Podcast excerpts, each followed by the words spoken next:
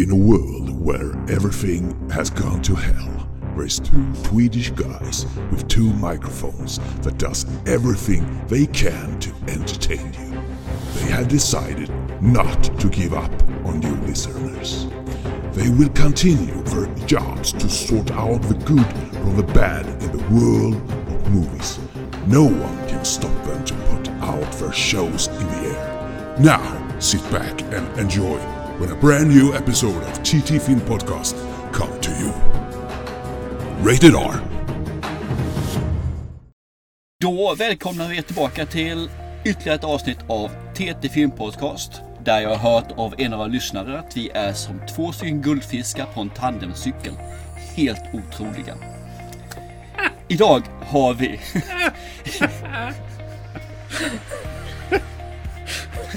Hej! Jag är också här. ja, precis. Ja, vad, vad trevligt. Jag tänkte jag skulle köra en one man show här men nej, skitsamma. Det är så jävla dumt det där så det finns inte. Ja men vad kul. Hej hej. Så du kallar mig dum så här i början av podden. Kan du inte vänta till åtminstone jag har sagt vad jag tycker om filmerna? Idag har vi i alla fall ett fullspäckat program igen. Ja. Vi ska prata om tre filmer. Där vi eh, egentligen kommer att avhandla, ja, ni känner till Lost in translation. Vi är en av dem. Vi kommer att prata om eh, arméer som dör ut. Och vi kommer att prata om, ja, vad kommer vi prata mer? Små, små, små, små, små, små saker. Ja, det är de små sakerna som gör skillnaden. Och det kommer finnas bonus. Bonus! Så, hur är det med herren på andra sidan? Jo, det är ju bra. Eh, Bortsett från att jag är i krig. Du är i krig? Ja, jag har, du vet, du har ju pratat lite grann om det här med att man eh, kan komma så nära eh, verkligheten som den nästan touchar gränsen i det filmiska så att ibland så Ah, är just verkligheten det. bättre än dikten eller vad man skulle nu säga. Jag har fått en sån där, du vet de här klassiska filmerna en sån här home invasion, du vet när, när det kommer massa inkräktare och liksom försöker inta ens hus och sådär. Ja, Ja, det, det, det har jag fått hemma nu. berätta mer, berätta mer. Mm. Det börjar ju med att man eh, skulle gå på toa och tyckte Fan, luktar Nej vad fan! Går man upp till... Vä- vänta, vänta lite grann nu. Har du haft gäster då som har mökat på din toalett alltså? Nej men man, man tror ju först att det är eh, sönerna, de, i alla fall den minsta som har, du vet, inte grann. styr med mackapären så att han kanske har träffat golvet istället. Men eh, så var ju inte fallet, för att det kom ju från avloppet, bredvid avloppet, under isoleringen. Eh, Okej. gick jag ner en trappa ner och kollade i vårat kallförråd och på en bänk sitter jag sån här svarta stora jädra Aha, okej. råttbajs. Sån home invasion. Eh, Ja, en sån homo invasion. Alltså, så här bjudna gäster som vägrar betala för sig och bara svina runt och tycker bara Woho! här kan vi vara, käka allt som käka går, isolering, vad fan det nu än är och släpar in så här massa jävla körsbärskärnor överallt.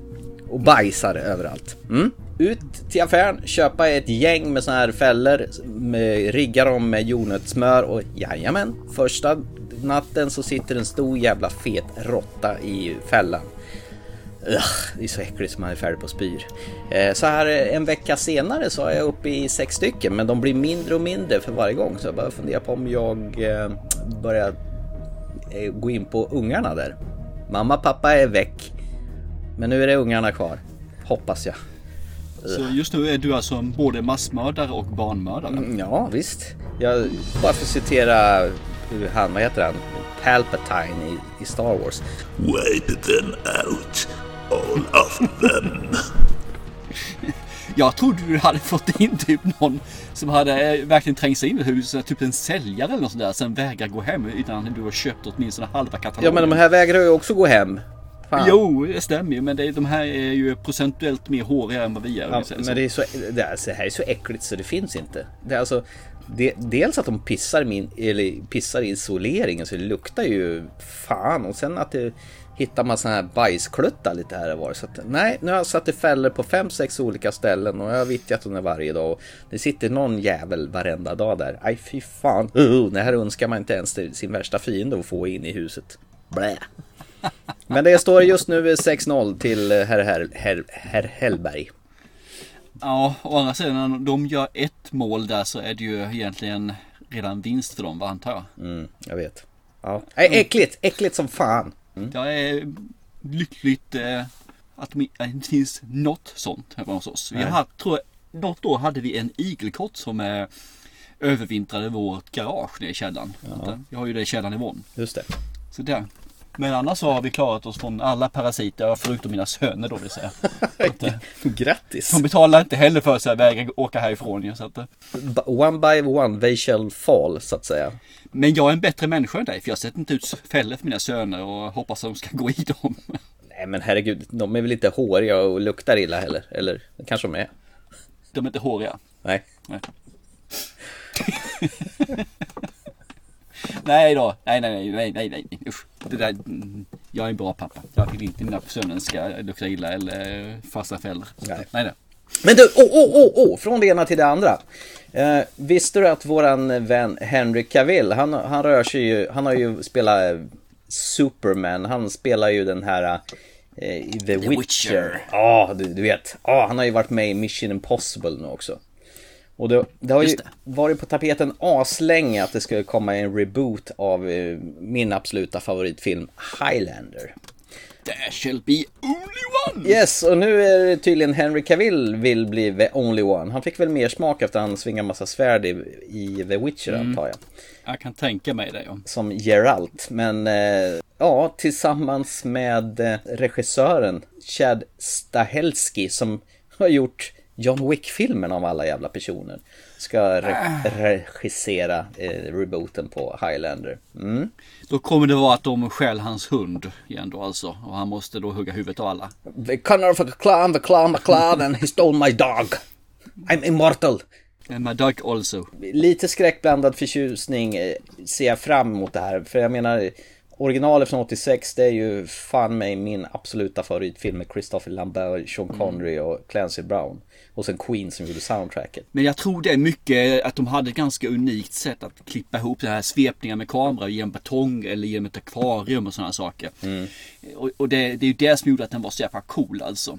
Och så musiken som du säger också. Russell McCulkey, han som eh, regisserade filmen, han var ju från musikvideobranschen och hade ju sådana riktiga visioner på hur, hur han hade sitt sätt att göra film. Så han var väl unik för den tiden då, kan jag tänka mig.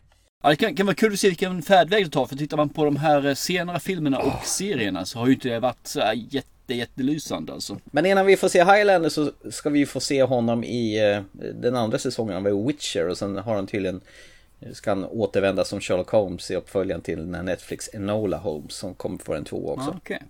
Ja, okej. Då ser man. Den har varit så populär alltså. Ja, Jag gav den tyvärr bara ett avsnitt. Sen så tyckte jag att den här hade ingenting. nej men avsnitt var en film, Enola Holmes. Ja, det fan det var ju film. Jag, gav, jag såg en bit in i den då bara. Sen så- så stängde jag av den för den gav mig ingenting. Fan, var det ingen serie? Det var inte det. Alltså. Nej, jag har ingen serie, det var en film där. Jösses. ja.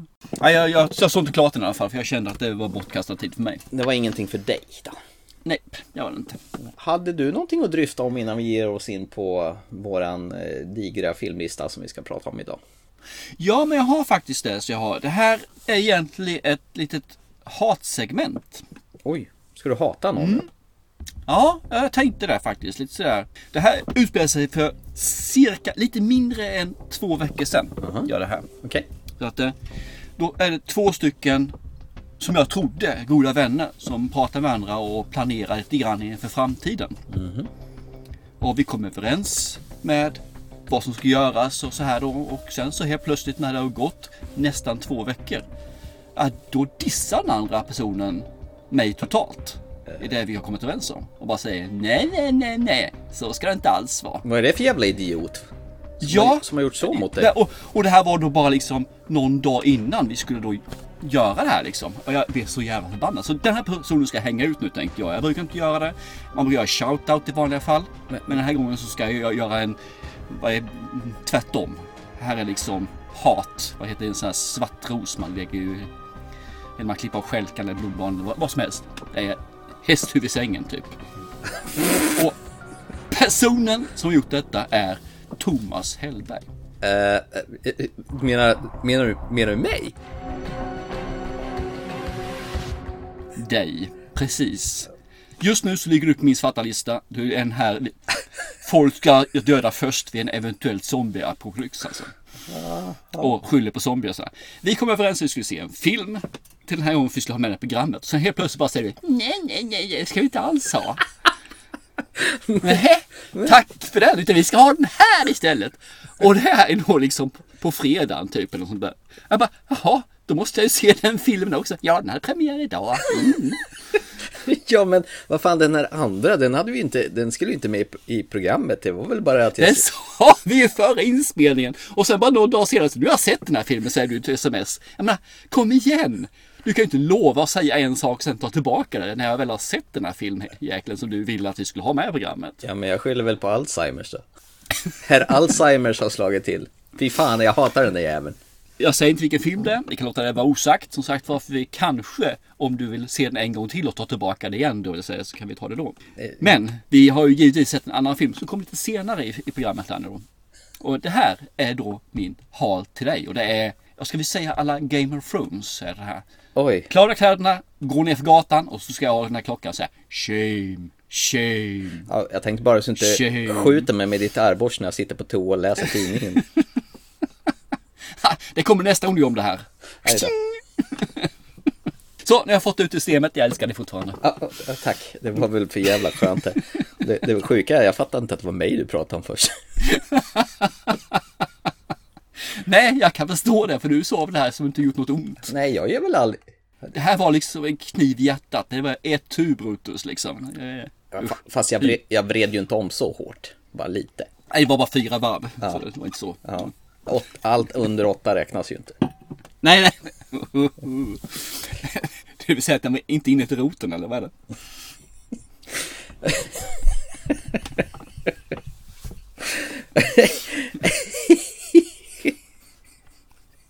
Hörru du. Snuskpelle där. Va? Jag? Ja, nu ska vi prata om kvinnor, tänker jag. Eller kvin, okej. kvinna, kvinna specifikt. Okej, okej. Du vill ju ha en eh, liten filmsnack ja. Ja, jag, vill, jag sett. ha det. Och det. Det konstiga är att du måste ju hata Amy Adams över allting annat. Jag menar, Arrival, Nej, nej, nej, jag hatar dig mer. jävla skitfilm. Nocturnal Animals, äh, jävla skitfilm. Den här äh, heist-filmen, den här Boogie, vad fan, American Hustle, hatar. Gud vad du hatar den, Amy Adams. Arrival. Ja men jag sa ju det, jävla, den har ju du bara sett, vad är det, 18 gånger eller sånt där, hatar den. Ja, ja, precis. Det är ju skitfilm. Så därför var jag jätteförvånad när The Woman in the Window har premiär på Netflix och du säger bara Nej, eh, den skiten vill inte jag se. This is a safe place. I'm agoraphobic. I can't go outside. I've been slipping, getting into a really dark frame of mind. 911. My neighbor Jane, she's been stabbed. Detective Little, NYPD. Where's Jane? Mr. Russell believes that you made a mistake. You have never met my wife. Ma'am, you all right? I know Jane. Jane's been in my house. I'm Jane Russell.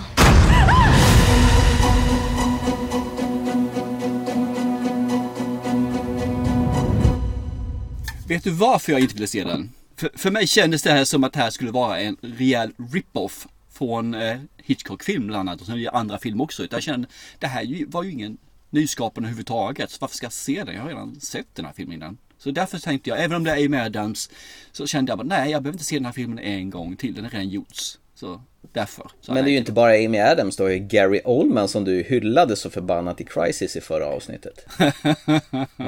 Just det ja, just det. Ännu en anledning. Och sen har du ju med Julianne Moore också, också en sån här kvinna som du älskar över allting annat. Ja, hon är bra faktiskt bitvis. Ja, hon ersatte ju Jodie Foster i uppföljaren till eh, Lammen tystnar när hon är med i Hannibal, vet du. Just det. Ja, ja. Mm. Och sen- har jag glömt bort faktiskt. Och sen har du Kurt Russells son, Wyatt Russell, med också i den här filmen. Ja, men han suger va? Han ser ju ut som sin pappa. Aha, okej, men då så. Ja.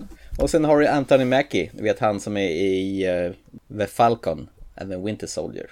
Aha, okej, okej. Mm. Så att det är ju en, en, en stenhård cast här eh, som man har stoppat in i den här 20th Century Studios producerade filmen. Men vet du vad det som var så jävla märkligt? Nej. Den gick ju att se på Netflix. 20th Century Studios, var det inte Disney som köpte dem? Jo, visst var det det. Ja, så du har ju inte sett en enda 20th Century Fox eller Studios film på Netflix det senaste halvåret eller året sedan Disney Plus startade. Så redan där bör man ju undra, vad fan är det som händer? Ja, varför ska Netflix få någonting från Disney? Så här, den här skulle gått upp på bio, alltså The Woman in the Window, eller Kvinnan i fönstret som det så fint heter. Skulle ha gått upp på bio i oktober 2019. De visar för en testpublik och publiken satt som så här yra höns och fattade ingenting. Väldigt förvirrande, det var fullt med såna här plot holes och grejer. Så att genuint så här, nej, det här var väldigt mä tyckte de. Så det, det, det var ju bara att gå tillbaka och göra om vissa scener för att förtydliga filmen. Du vet, amerikansk publik är ju mm, ganska trög. Tydligen. Ja. Och så klipptes filmen om och skulle släppas i maj förra året. Men vad hände då? Corona. Just Ja. Eh, Och den ligger och göttar till sig. Jag tänker på det här fenomenet med New Mutant som blev flyttat på framtiden till 1900 aldrig. Men släpptes ju i förra våren då. Till slut. Till slut så tycker att Netflix här, ah, ni får en massa pengar så att de köper loss helt enkelt filmen av Disney. Helt enkelt. Så det, det, det sjuka är att när filmen börjar så står det dudung, den här Netflix-loggan och så kommer 20th Century Studios i en så här efter varandra. Så det är ju någonting som rimmar väldigt konstigt i- dagens. Jättekonstigt, de behöll att de var tvungna att behålla den. Ja, det hade ju kunnat stått en Netflix original eller någonting sånt. Ja, precis. Men, men i alla fall, i filmen så har du Amy Adams, Wyatt Russell, Julianne Moore och Gary Oldman bland annat. Och det handlar om Amy Adams rollfigur Anna Fox. Hon, hon lider av ett sånt här sjukdom som eh, på ren svenska kallas för torgskräck. Hon är livrädd för att vistas i stora publika hon, hon gillar inte att gå ut överhuvudtaget. Hon törs inte gå ut. Det ligger ju naturligtvis ett trauma bakom det här. Men hon är barnpsykolog så att hon, har, hon bedriver ju sin eh, eh, verksamhet hemma i sin jättelägenhet. Eller hon äger ju i princip huset där hon bor i. Och så har hon en inneboende då, som spelas av White Russell som bor nere i hennes källare. Och det hon gör på fritiden då i och med att hon inte går ut utan hon hon har jävligt bra koll på sina grannar. Hon, hon vet precis vad som händer i huset mitt emot. Fram med lilla kameran ibland och, och kikare och titta på vad de andra gör. Låter det bekant? Ja, Det gör ju det. Ja. Det, det är ju det jag menar. Det här låter ju definitivt bekant. Det gör det. Du hade ju en gammal Hitchcock-film som hette Fönstret mot gården med James Stewart. Fast där sitter han i en rullstol med ett stort fet jävla gips på ena benet och kan inte röra sig. Hennes eh, handikapp är ju det här att hon inte kan gå ut istället. Hon älskar ju att se på gamla filmer också. Eh, hon har en gedigen DVD och Blu-ray-samling. Det kan jag förstå. Vad ska hon annars göra för någonting? Nej. Jag tror det är det första som rullar i början av filmen som man får se i slow motion på hennes TV. Du får gissa en gång. Hitchcock? Fönstret mot gården. Det är det ja. ja. Man till och med blinkar där för att vara lite övertydlig om att det här kan ju ha vissa likheter. Så. Men i alla fall, eh, det flyttar in en ny familj där, där Alistair Russell är en sån här patriarkat på andra sidan då. Han spelas av Gary Oldman. Och eh, har en son som heter Ethan som eh, kommer in springande och ger en slags sån här flytta in välkommen, eller så här, jättekonstigt. Borde vara hon som går över till andra sidan och ger en sån här välkomstpresent. Men han kommer in farande Men hon Alltså. kan ju inte gå ut. Hon har agorafobi ju. Ja, det, det är sant. Men nu kommer i alla fall grannen överfarande där. Han är lite knepig där och, och frun i huset kommer överfarande, Julia Moore, alltså Jane Russell. Och de boundar lite grann där och dricker lite vin och pratar om ditten och datten. Men hon känner att någonting är fel där. Eh, hon börjar blänga mer och mer på den här familjen och så ser hon någonting på kvällen där när eh, Alistair, alltså, alltså Gary Oldman och Julia Moore börjar bråka och då händer någonting hemskt. Hon blir mördad. Bam, bam! Och så ringer hon polisen och säger Vad fan, jag har sett grannen blivit mördad och så kommer han farande in, alltså Alistair med sonen och, och säger det här stämmer inte. Du, du har fel. Ja men jag, jag såg ju vad jag såg. Nej, det här är min fru säger hon Och så är det en annan kärring som står där bredvid. Och så, så börjar Amy Adams, eh, Anna Fox, fundera på är jag totalt koko i huvudet eller är det här en komplott? Och det här är vad hela filmen bygger på, om hon är knäpp i huvudet eller om hon verkligen har sett ett mord. Spännande va? Skulle kunna vara det, faktiskt. Det fina med filmen är att den är jävligt snygg faktiskt. Börjar ju som en liten klassisk Hitchcock. Det steppar upp så ordentligt i mitten. Så jag tänkte nästan smsa och säga att fan, du borde se den här i alla fall. ja, ja, ja, ja, nej, en twist här nu. jag har inte fått något sms om att se den här. Nej, du har ju inte fått den. och man får ju ta del av ett riktigt trauma. Du får liksom en bakgrundshistoria varför eh, Anna Fox är liksom som hon är och så vidare. Och hon dövar det här med alkohol och, och smärtstillande tabletter i en salig blandning. Så där har du ju grunden till att hon kanske börjar hallucinera och så vidare. Eller? Mm. Mm. Skitsnygg, du får en helt magisk New York-känsla. Du vet sådana här gamla hus som är typiskt för New York. Och musiken av Danny Elfman, han har gjort jättemycket schyssta soundtrack till andra filmer. Eh, bland annat faktiskt original Batman från 89 med Michael Keaton. Det är han som har gjort det här scoret. Och Amy Adams har aldrig sett så jävla risig ut som hon gör i den här filmen. Hon är så här hon är inte makead någonstans utan hon ser ut som sju svåra år fast hon har ganska lång väg att komma upp i Elisabeth Moss från Handmaid's Tale. Hon är ju expert på att se glåmig ut. Men hon är nästan alltså, där. Sidan, jag kan tänka mig det. Sitter hon i sitt hus hela tiden så varför ska hon vara snofsad och så här? Det, det blir ju, man förfaller ju efter ett tag och tycker inte det är så viktigt. Nej, går runt och hasar i mjuk, mjukisbrallor och mm. ena handen har hon vinflaskan och... Men! Problemet är att den försöker så jävla hårt att vara en trillig Hitchcock-stil.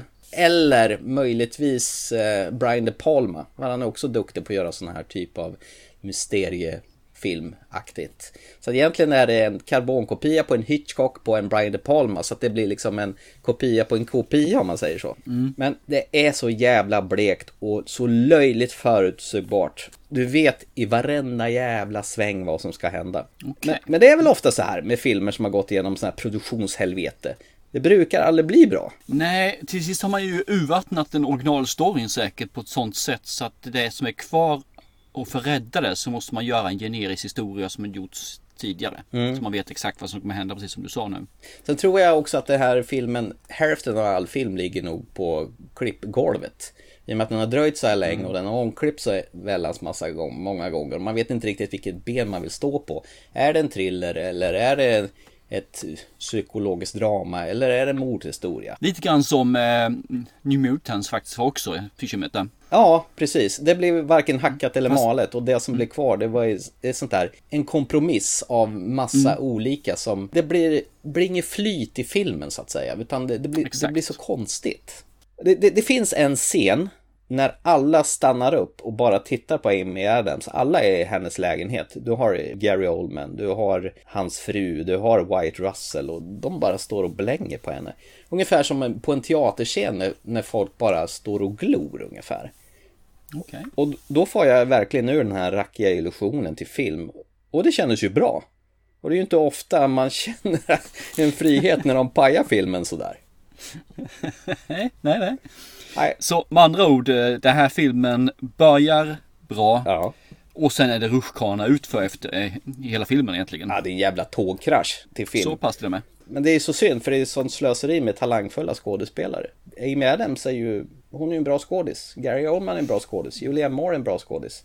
Till och med mm. White Russell kan jag nog sträcka mig så långt till att han, jag har ju haft nöje av honom i den här Overlord, den här krigszombierullen och jag ja. gillar ju honom i den här Captain America-serien, eller vad heter det?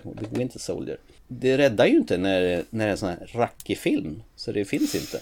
Det bygger ju på någon bok, tydligen jävligt hyllad och älskad. Men eh, man skulle ju undra vad, vad som blir så jävla fel med tanke på att boken är en bestseller. Men jag tror nog att det är just det att en bok och det är säkert jättemycket tankar och funderingar och hennes tvivel på sig själv och sådana ja. här saker. Och hur får man det vidare till bildmedia? Och så ska du kompromissa ihop det till en timme och 40 minuter som säkert var tänkt att vara 2.15 från början. Och jag tror ju för min del att ska du lyckas med sådana här saker, mm. med sådana här film, så får du fan de ha en voiceover som förklarar filmen. Ja, Harrison Ford, Blade Runner, absolut. ja, nej men eh, du gjorde helt rätt. Det här var ingenting att se överhuvudtaget. Så Thomas hade rätt? Ja, det här var en riktig sopnedkast i film. Jag säger det återigen som Sverker, ner i soptunnan. Nej men kul. Det är alltid skoj när man eh, gör rätt val. Eh, I alla fall enligt dig då. Ja, varsågod, då slapp du se den här. Ja, Jag kände det på mig när jag såg eh, trailern också att det där skulle nog inte riktigt vara min kopp med te alltså. Inte min heller.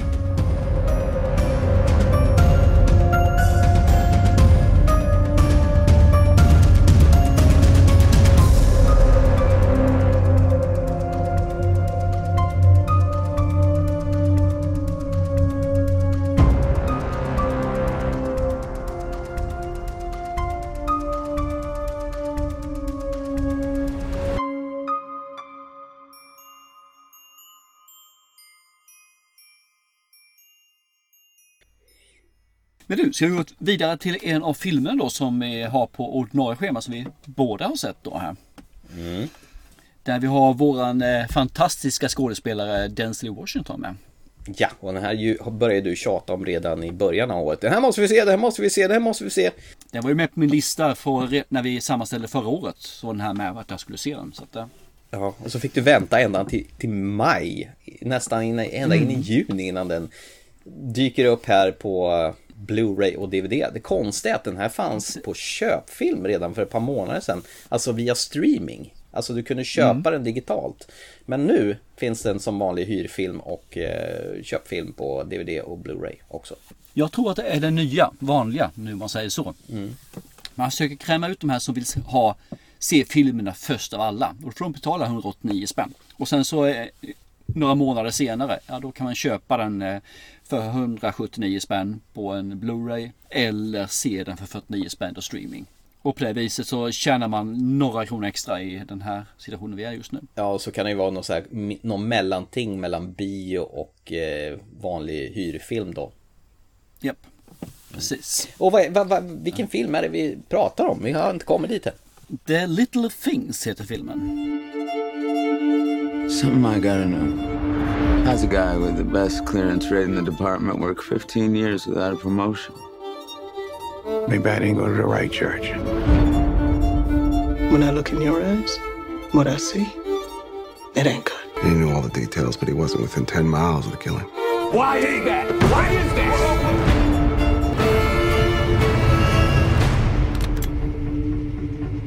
How's the trunk space? What do you want? I want to nail the bastard. For who? For all of the girls he killed.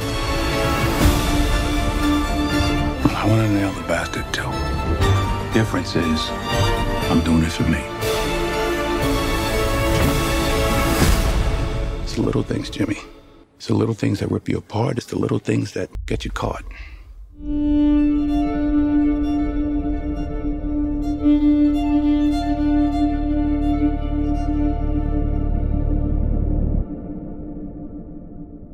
Som egentligen är ett kriminaldrama kan man säga va? Mm, verkligen. Vi får möta egentligen Joe De- Deacon. Det är Denzel Washington. Han är ju en eh, sheriff ute på landsbygden. Där han jagar katter som sprungit bort och han eh, tittar varför staket har fallit omkull och så vidare. Och så vidare. Det är ganska lugnt. Men han ska då åka iväg till, var det, var han skulle någonstans? Chicago eller vad var det för någonting? Nej, Los Angeles var det. Los Angeles. Ja. Ja. Skulle han dit därför hämta ett par stövlar. Ja, med fina sömmar som är då ett, ett mål de har i sin lilla byhåla tänkte säga. De ska kunna fälla den här personen. Men han vill inte åka dit därför han ju till slut för slutet. För där var han då en eh, krimdetektiv. En, eh, Ja, vad är det det heter när han är en eh, murder homicide? Homicide. ja, han, han har jobbat på Homicide, mo- mordroten då innan. Just det. Och han är väl inte den mest omtyckta varken av chefen som han behöver ha en signatur för att få ut stövlarna från. Eller från de här kollegorna som jobbade kvar från den tiden när han jobbade också för en fem i år sedan. Men det finns då en nyhetsborre där, eller nyhetsborre, en nytt stjärnskott som har dykt upp där medan han har varit borta. Som då heter Jim Baxter eller Rami Malek i den riktiga världen. De här eh, stöter på varandra och inser att de kan ju faktiskt ha nytta av varandra. För det dyker upp ett mord som då Denzel blir, eller ja, Joe blir intresserad av och Jim Baxter och han börjar samarbeta för att lösa det här eh, morden egentligen. Att de tror att det kommer komma fler mord. Det blev väl lite grann en, eh, alla säger vi till honom, umgås inte med Joe Deacon för han kommer dra ner det här fallet. Men de har fortfarande samma egentligen sätt att jobba. De går all in för saker och ting. Kanske inte av samma anledning, men de går verkligen och gör det som ska göras för att hitta den skyldiga. Så att det här får man ju följa de här, ska vi inte säga omaka paret, men egentligen på, de, de är ganska omaka fast de då har en kärna som är likadan om man säger. Mot den här mördaren då som eh, tycker om att tortera sitt, sina offer och bita dem. Genom ett sugmärke eller bitmärke. Lustiga egenskaper seriemördare kan ha. Ja, precis. Det verkar som alla har lite eget där. Alla ser man ju, har alltid någon lite trademark verkar det som. Mm. Så, där får man Ja, det var synopsen tycker jag av filmen i sin helhet egentligen. Ja, du får ju en sån där eh, intro där en ung tjej eh, blir jagad av den här mördaren det första du får se. Hon, hon, sitter ju i en bil och så kommer ju en annan bil och börjar köra upp bredvid henne och vingla till och sen stannar den upp och så kör hon iväg. Och sen mm. springer hon ut på en äng och sen eh, klipper man till nutid då. Yes. Mm. Min känsla jag fick i den här filmen när jag började titta, eller när jag började gå en bit på vägen. Mm. Det var att det var en eh, lite Seven över den. Och det menar jag egentligen inte i morden och det här utan mer att eh, Denzel Washington och Remy Malek här är i samma, eh, samma personer i sitt sätt, alltså mot varandra. Vi har ju då Denzel Washington som är då den här läromästaren, den lugna personen som säger gör så här, titta på det här. Medan Remy Malek är den här som är hetspåren som vill, vill framåt, göra karriär och visa sig duktig. Så Denzel är Morgan Freeman och Rami Malek är Brad Pitt om andra ord? Precis, det var så jag såg relationen till det. Sen är det just att det är mordgåta också då, som de ska ta rätt på. Mm. Som gör att man sätter den i, den här, eh, i den här, här rummet. Eh, men det dröjer ganska lång tid innan eh, den känslan kom in. Man är nog nästan i genom halva filmen känner jag. För det är ganska långt förspel i den här filmen innan det börjar att trappa upp och komma igång. Mm. Utan det är man lär känna ena personen, man känner andra, man ska transportera den till ena stället till andra stället, man ska prata, man ska träffa folk, man ska bygga upp karaktären, man ska försöka lära känna dem. Då hur, vem är egentligen Jim, vem är Joe? Och det är precis som i Seven att de får ju en jävla rackig start de här tillsammans. Inte lika rackig som i Seven tycker inte jag, men eh, ja absolut. Under resans gång så ska de växa ihop då. Det, det jag tycker är lite konstigt med den här filmen det är det att den är ju ganska low key, den är ju ganska långsam i sitt eh, berättarsätt. Den skyndar ju inte någonstans. Men däremot är klippningen jävligt hetsig. Så jag får inte ihop det i huvudet.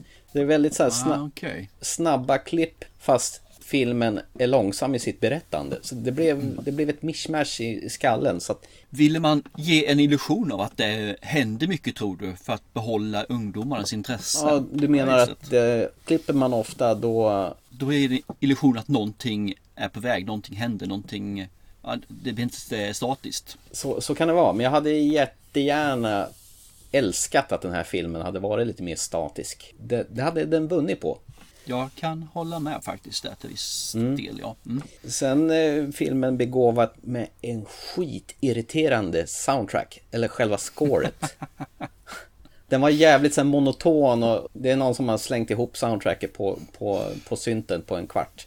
Musiken tänkte jag inte så jättemycket på egentligen det jag kände var just att den, de försökte att man skulle få ett djup, man skulle lära känna personerna. Men för mig kändes det som att den stod och stampade vatten mm. väldigt länge filmen utan att det egentligen tog steg framåt. Nej. Man fick några scener som staplar på varandra för Joe. Man fick några stemer staplade för varandra med Jim, ja, Rami och Denzel då. Så. Mm. Det kändes inte som att det ledde någon vart utan det var mer bara för att ja, nu har, de, har ni fått massa tid här innan saker händer. Nu måste ni ha lärt känna de här personerna, vilket man inte hade gjort, tyckte inte jag i alla fall. Och det var rätt så onaturlig dialog också. Ja. Det kändes så här, så här, så här pratar man inte med varandra.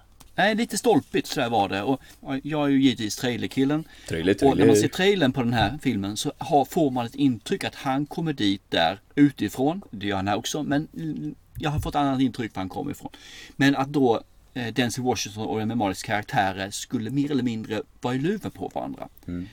För att det skulle finnas en, en, en schism mellan dem på något vänster. Men det gör det ju inte för Remy Malek ser ju upp till Denzel Washington ganska snabbt där faktiskt och tar med honom i, i loopen och de börjar samarbeta ganska omedelbart. Så det ska man vara medveten om att det finns inte jättemycket slitningar mellan de här utan de har samma mål och upptäcker ganska omedelbart att vi har nytta av varandra. Ja, det var väl att han, han stä, ställde sig i vägen för hans bil i början av filmen. Sen, när det var i vägen ja, då. Är första scenen. Ja, ja, precis. Sen var det bra.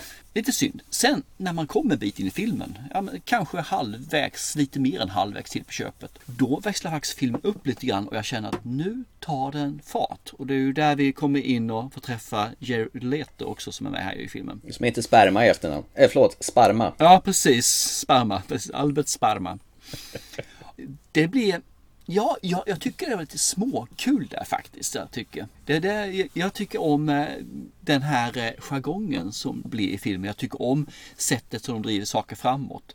Men det, det blir inte mer än att jag tycker om. Tyvärr, det kommer aldrig upp till att jag tycker verkligen att det här är bra. Det här är ös. Det här är nu finns det någonting. Den blir OK. Efter jag sett klart filmen så satt jag och funderade lite grann. Vad tyckte jag om den här filmen? För jag visste inte vad jag tyckte om filmen faktiskt. För jag satt där helt, jaha, var det bra? Var det inte bra? Vad hade jag sett? Jag tycker att storyn är helt okej. Okay. Ja, jag tycker skådespelaren gör väl det de ska göra. Och jag tycker faktiskt att Jared Leto gör nog en av de bättre. Faktiskt. Han gör nog en av de bättre karaktärerna i det här. Han är äcklig i den här. Ja, han är äcklig och jag tror på honom. Mm. Eh, Rami Malek på något vis känns som att han har tagit sig kanske lite vatten ur huvudet vad han klarar av. För han mm. känns inte som, jag tror inte riktigt på han som eh, en krimmare alltså. Och Denzel Washington känns lite grann som att, var är checken någonstans? Så jag kan ta den och gå hem och köpa mig ett ny, ny båt. Denzel gör en Denzel. Ja, precis. Och jag kände det efter jag sett filmen att ouch, har Denzel Washington också gjort en Liam Nilsson nu alltså? Han gör samma karaktär hela tiden. Just det, Denzel gör en Liam med andra ord ja. Så är det ju mm. förstås. Cashar in och känner liksom för det. Och det är så synd för han har gjort så jäkla bra filmer som han gjort tidigare. Mm. Men nu verkar de sista så är det mycket same same. Förutom han har ju en som heter Roman Esquire någonting. Så jag vet inte vad det är för någonting. Den kom här under 2017 kom den. Och sen så kom ju Equalizer 18. Och nu är det Little Things 21. Men innan dess så har han då Equalizer 2. Han har, vad heter det, Magnificent Han har The Equalizer 1, vilket som är bra film, men det är fortfarande samma sak. Two Guns, samma sak liksom. Så han verkar ha slått sig in i actionskrået, enkelhetsskrået där han inte behöver utmana sig själv skådespelarmässigt. Och jag hoppas för, bövelen att hans nästa film, som jag tror är The Tragedy of Macbeth, att den verkligen blir en tyngre skådespelarfilm än vad han har gjort hittills. Eller på senare tid ska jag säga. Annars kommer jag sluta se på honom. Men usch! Så får du inte säga. Ja, tyvärr. Tyvärr. Men, men filmen är inte kass. Den är inte det. Den, den är OK. Men problemet är att den är två timmar lång och det tar ungefär en timme innan den blir OK. För den har så lång straffsträcka så jag tror att det är massor av folk där ute som inte kommer att se förbi den här timmen utan känner att okej, okay, ja, ja, va, varför ska jag se klart den här? Varför ska jag fortsätta? Pausknappen ligger jävligt nära och sen när jag trycker på paus en gång så trycker jag aldrig mer på play igen. Det är synd, men tyvärr tror jag det är så. Eh, jag är lite inne på din linje här, tyvärr. Det är ju skittråkigt att säga. Eh, jag, jag satt efter en timme av filmen och satt och skruvade på mig och kände att äh, det här är, det är rätt tråkigt faktiskt. och sen, sen, som du säger så dök jag upp Jared Letos eh, spermagubbe, Albert, kom ju in där. Eh, som en frisk fläck där, för man gillar ju en, en galen psykopat. Det är mm. härligt. Absolut. Och han är ju väldigt... Så det är frågan om han är det eller inte, det vet man ju inte i filmen. Nej, det vet man ju inte. Men han, han, ser jävligt psykopatig ut i alla fall. Ja, det håller jag med om. Och han har väldigt mycket funderingar och han har väldigt mycket idéer och grejer. Och tycker om att eh, driva med polisen. Driva med polisen, det är ju det som är så jävla roligt. Han är provokatör. Mm, absolut. Ja. Problemet är ju att filmen är ganska med nästan ända till slutet. Men när filmen är i slutet, då känner jag, fan det här var rätt smart när man tänker igenom hela filmen. Det var ju som du sa, jag satt och funderade på när det var slut. Nej men alltså om man lägger ihop sammantaget det hela med själva slutet så, så var det ju rätt så bra i alla fall. Men det är bara det att det tog, tog alldeles för lång tid innan det mm. blev bra. Det, det yes. tog, tog, för lång tid innan det byggde upp intresset och när de väl avslöjar hela premissen så var det nästan lite för sent, tänker jag. Ja, för saken är tappar man intresse för en film, Mm. även om man ser klart den, så är det svårt att hämta upp den efter det. Att investera sig igen. Och det är det som den här problemet. För den, som du säger, andra halvan är bra. Det är den alltså. Mm. Men det, det går liksom inte att göra en timme junk och en timme bra. Och sen så slår man ihop det och så tycker man att ja, det här är väl okej. Tyvärr inte. Men det var ju lite grann där. Slutet gjorde att jag behövde fundera på, var det här bra eller inte? De gör ju några smarta grejer på slutet vilket gör att man får ju fundera lite grann. Det är ju, Slutet är lite öppet faktiskt. Så att det blir ju upp till tittaren att bedöma egentligen. Vad hände? Mm. Jo, det finns lite grann sånt, det gör det, håller jag med om. Och sånt kan jag uppskatta när det inte är så här helt självklart. Utan, så jag måste ju fundera på om den amerikanska publiken, de måste ju ha suttit och kliat sig i skallen ordentligt. Men alltså, som du sa, Denzel gör en, han, han gör det här med vänsterhanden, var är lönechecken? Han gör en Denzel Washington. Rami Malek, ser han ut sådär hela tiden? Att han liksom suger på underläppen med överläppen? Han ser ut som en sån här trubbig anka nästan. Jag, jag tänkte bara nästan på hans roll som Freddie Mercury i We Will Rock You-filmen. Eller Du, ser det gjorde jag också. Hela Ja. tiden så gick Ja. jag tillbaka till Freddie Mercury. För han Ja. ser exakt likadan ut och har samma beteende med munnen. Han ser ut som en så jävla trulig liten jävla tioåring som, som, som är sugen på lördagsgodis nästan. Nej, jag, nej, jag- jag köpte inte honom. Det gjorde jag inte heller. Det är lite synd. Det gör ju att man blir ju intressant när vi är James Bond nu som sagt var. Ja, precis. I eh, No Time To Die, helt enkelt. Mm. Där han ska spela någon form av skurk. Men han kanske ser ut sådär, kanske inte hans fel. Nej, nej. Och det, det är lugnt så det är så sett. Men det tar ju bort lite grann av illusionen tycker jag. För Mm. man, man kastar tillbaka till Bohemian Rhapsody. Och det är ju inte meningen när det ska vara en, en, ett mordmysterium eller en thriller eller vad det nu ska Nej, vara. exakt. Men jag, jag tror det här att har du ro att sätta i att hålla fokus uppe i en film, eller i den här filmen, i en timme drygt, så tror jag att du har ändå en behållning av filmen, för slutet är bra. Eller slutklämmen är bra kan vi säga rättare Mm. sagt. Jag tycker om att, fast man kunde korta ner den här filmen liksom en halvtimme, hur länge som helst. Och det hade varit en ännu bättre film då, då hade det varit en bra film. Men kan du göra det så tror jag att du kan ha nytta av den här filmen och gå därifrån och tycka att men det här var inte fel. Det, det, det, var, ja, men det var underhållande. Kan du inte klara av en timmes stillasittande som inte egentligen leder något i filmen markant mycket. Då, då ska du nog se något annat alltså. Det får mig att eh, förstå att du låter lite besviken över med tanke på att du har peppat för den här så himla länge. Ja, jag är mest besviken på just att eh, Denzel Washington gör en Denzel Washington. En kopia på sig själv liksom. Han bara cashar in. För det känns verkligen gjort det. Sen så tror jag lite grann på eh, det här extra materialet och alla hyllar ju Denzel Washington. Och det finns till och med ett litet potpurri över alla skådespelarpoliser han har gjort genom tiderna. Ah, suck. Är det hans sista film han ska göra nu eller typ eller något sånt där? För att han då ska göra ett så här snyggt avskedspotpurri av honom. Det, typ det gjorde på Rambo. Nej, jag tycker det är jättesynd och jag, jag trodde liksom att han skulle göra bättre ifrån sig. Fan, så det är bara en skådespelare kvar nu av det gamla gardet som håller sig kvar att göra kvalitetsfilm, alltså av männen då ska jag säga. Eh, George Clooney eller? Ja, nej, nej, Nej. faktiskt inte. Nej. han har inte gjort sig bra de sista gångerna heller. Men ja, han försöker åtminstone så. Ja, men köp, jag tar med två då. George Clooney här är fortfarande där. Men Tom Hanks, Ja, ja, just han är det. den enda som eh, verkligen håller på kvaliteten fortfarande. George Clooney kan få en film till om han eh, är intresserad av det. Ja. Tjejerna däremot, de verkar eh, sköta sig bra. Det finns många av det gamla gardet där som är fruktansvärt bra fortfarande. Nej men eh, jag håller med där. Det här, var, det här var inte så värst. En sista kvart gör ju inte en hel film om man säger så.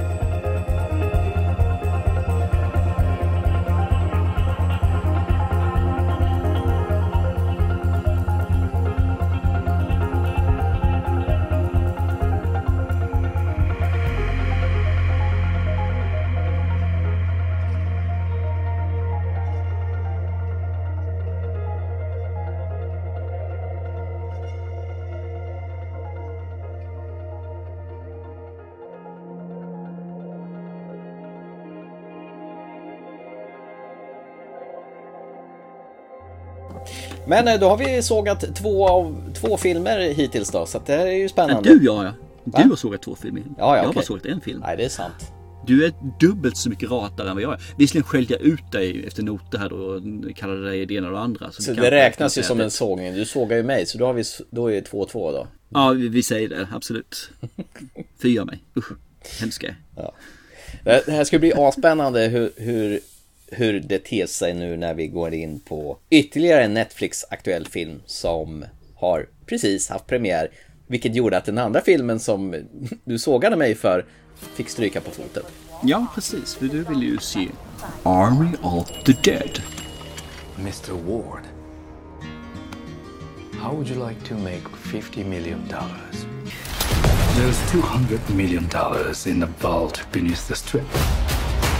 With a 32 hour window to get it out. Find the safe. This should be a simple in and out. It's not too late to go back.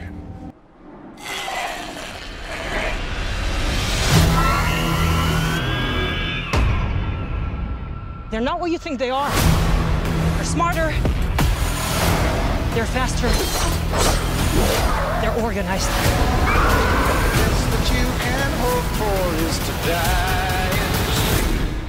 Oh, scheiße. What is this?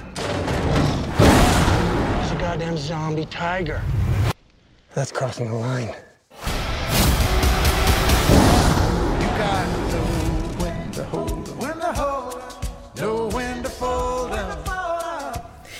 Ja, det är klart jag ville se Army of the Dead. Zack Snyder! Ja, Zack Snyder! Vi får en film till av Zack Snyder på samma år. Jag menar, dels den här mastodontfilmen, The Snyder Cut av eh, Justice League. Och jag menar, när, när han går tillbaka, jag menar, han gjorde ju den här fantastiska Dawn of the Dead, alltså remaken på George mm. R. Rameros klassiker och hottar upp den och gör en riktigt modern zombierulle. Då är det klart som fan man vill se vad som händer när han går tillbaka till det klassiska zombie-temat i Army of the Dead.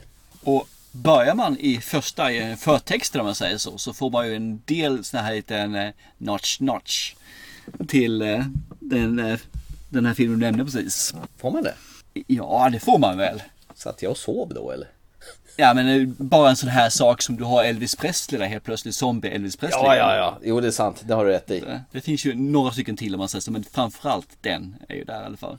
Han är duktig Zack Snyder och använder musik som eh, sätter sig i, i, eh, i, en konstig kontext. Eh, nu blir det sig rätt så logiskt i och med att det handlar om Las Vegas i det här fallet. Med, och Elvis eh, var väl egentligen, det är som Hink och Spade eller Humle och Dumle. Humle och Dumle, ja. absolut. Vad får vi då i Army of the Dead av Zack Snyder och skriven av Zack Snyder? Ja, vad får vi här? Vi får ju egentligen en eh, militärkonvoj som är ute och eh, ska transportera någonting från Area 51. Mm. Där det kan innebära egentligen vad som helst. Allt ifrån eh, blodigt papper till eh, aliens till, ja, Elvis Presley kanske. Igen då. Jag vet inte. De hittar på massa olika saker som det skulle kunna vara när de transporterar. För ingen vet vad det egentligen är. Ja just det. De sitter och gissar där i, i, framme i, i lastbilen. Ja. Här kommer ju då den här moralkakan. Med en gång, redan i början av filmen. Har du gift dig och ska åka hem. Se för bövelen till att inte söka idka sexuellt umgänge på vägen. Utan stanna inte i vägen och gör det stillastående bil. Ja, Annars in... går det så här som du gör nu. Man kör rakt in i militärkonvojen och det kommer en zombieapokalyps med en gång. Att, eh, ja. Tänk på det ungedomar, tänk på det. Ja. Man ska inte slurpa av slickepinnen på den som kör bil. Nej, inte för, om man stannar först. Då får man göra det, absolut.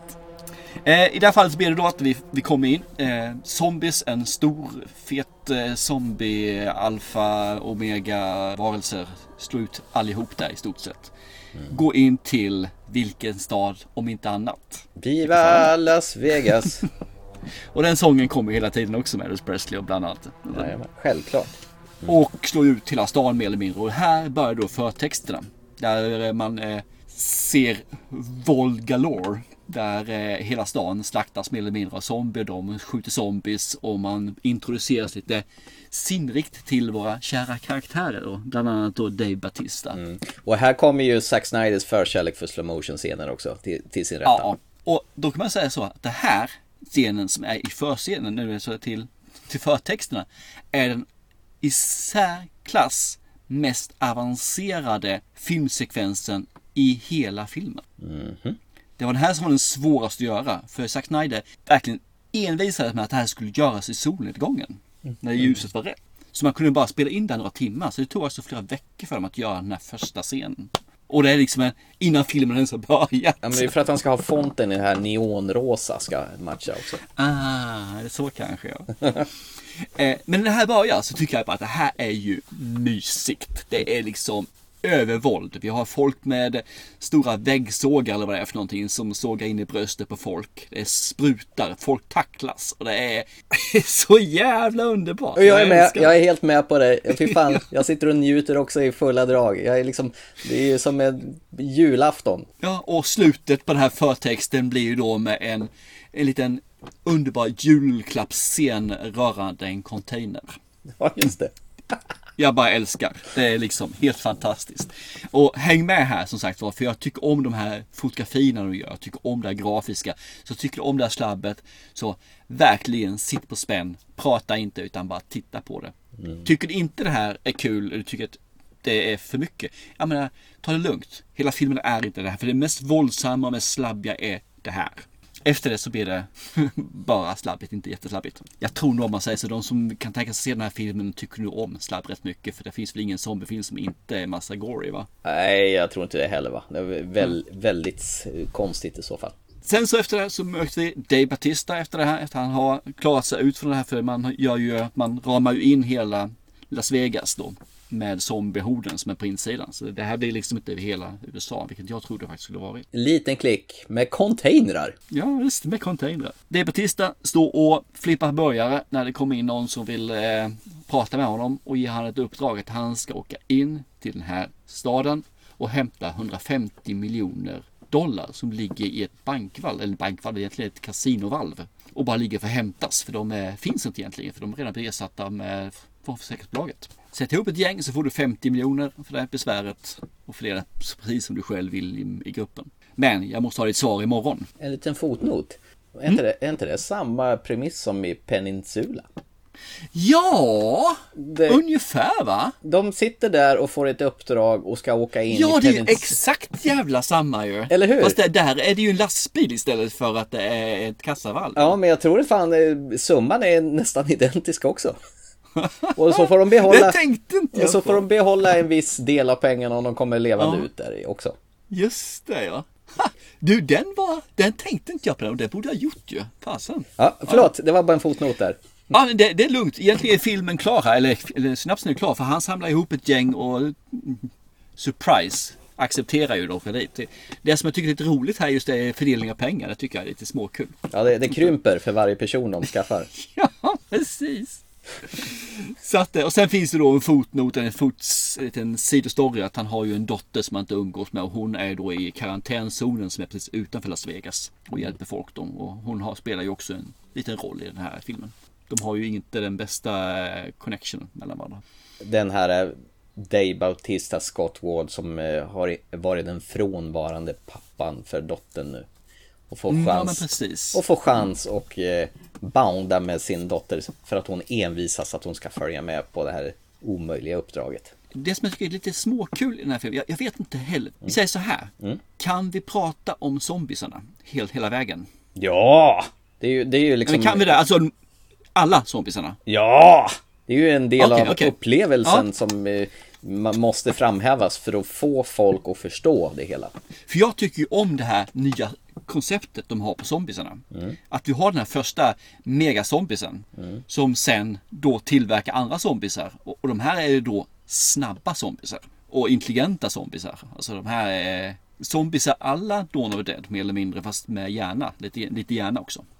Och så har vi de här, eh, vad heter de, eh, slow motion zombiesarna. Vad kallar de? Hasgångare de kallar dem för. Ja, just det.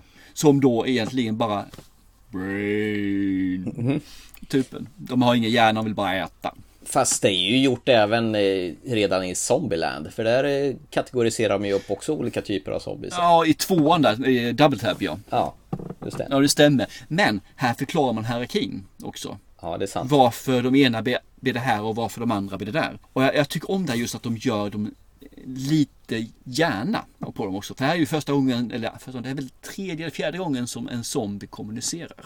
Jag säger kommunicerar av vilja.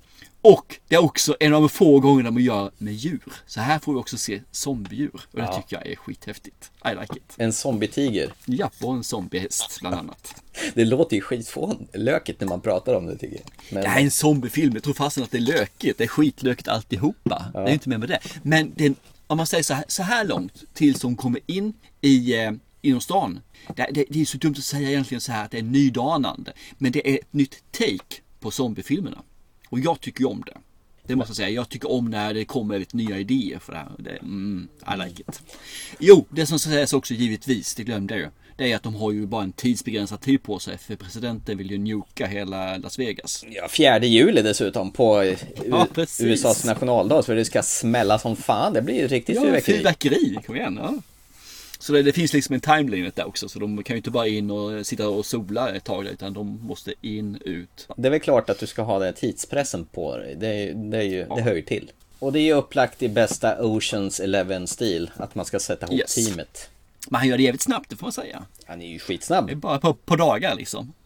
Man måste ju ha en helikopterpilot och du måste ju ha han som ska kunna ta, ta dig in i kassavalvet. Bank, ja precis. Och du måste ha den andra som är the muscles. Nej, I, I like it. Eh, ja, vad säger du? Nu har jag orerat här så just det här att nu får du faktiskt prata lite grann om den här filmen också. Initialt, precis som du säger, med förtexter och neonskyltar och, och Zack Snyders speciella stil och blanda musik som han tar gamla låtar gärna och stoppar in i sina filmer. Det är ju klassisk Zack Snyder. Men det är ju väldigt hopkok av massa annat det här egentligen. Jag fick lite Mad Max-känsla. Jag, jag fick de här äh, alfazombisarna påminner nästan som en Likens från Underworld. Lite grann. I, i, sätt, I sättet i utseendet och hur de var. Och du kan egentligen översätta den här filmen till Aliens, filmen Aliens, alltså James Camerons Aliens, att man tar sig in eh, på ett Ja. stängt område och om du översätter att, eh, som, att aliensarna är zombies istället och du har någon Ja. i det här teamet som är med för att övervaka och kanske har lite andra intressen än vad han har utsagt sig för att vara. Också lite samma karaktär i, fast i zombies istället för aliens. Om du hänger med på vad jag menar. Ja, men jag köper det. För en gångs skull så köper jag faktiskt ditt resonemang lite grann. Mm. säger jag. Och till och med när man ska öppna ett speciellt kassavalv så är musiken så här Halleluja, halleluja. Och från Die Hard vill jag minnas att det var en sån scen. Ja, just det. Det stämmer ju. Ja, han har ju snott lite allt möjligt och till och med när en helikopter failar och inte startar så låter ljudet från The Millennium Folk där. Så att satan vad Zack Snyder har varit i gottepåsen och blanda och gett från allt möjligt jox i den här filmen. Så jag, Jag har inga pengar. Vem fan kan ge mig saker? Ja, men jag satte liksom check, check, check. Han, han har betat av från, ta mig fan, allting här. Jag tänkte inte på det för vad du säger nu faktiskt. Jag gick på det här liksom att det här var nytt och fräscht och inte gammalt skåp. Nej, det är ju inte Ja, det, utan han har ju... Känner mig lurad ju. Han har ju plockat från det han tycker säkert är ballt. Och han gör det ju utan Ja. att skämmas också. Ja, absolut. Det, han behöver inte skämmas någonting. Nej. Men det här är nog en av de längsta zombiefilmer jag sett. Den är två och en halv timme lång alltså. Ja. Det som är lite tråkigt tycker jag, att du kan ju förutse varenda litet steg de tar. Liksom den här kvinnans infönser som jag pratade tidigare. Karaktärerna som är med är så jävla klichéartade så du vet ju vem som är god, vem som är, är snäll, vem som kommer stryka med, vem som kommer överleva. Ja, och du får ju till och med den här obligatoriska tidspressen då som det brukar vara. Som sagt, han är ju duktig på att stoppa in musik. Till och med, det var en hissscen när man får höra Boy George.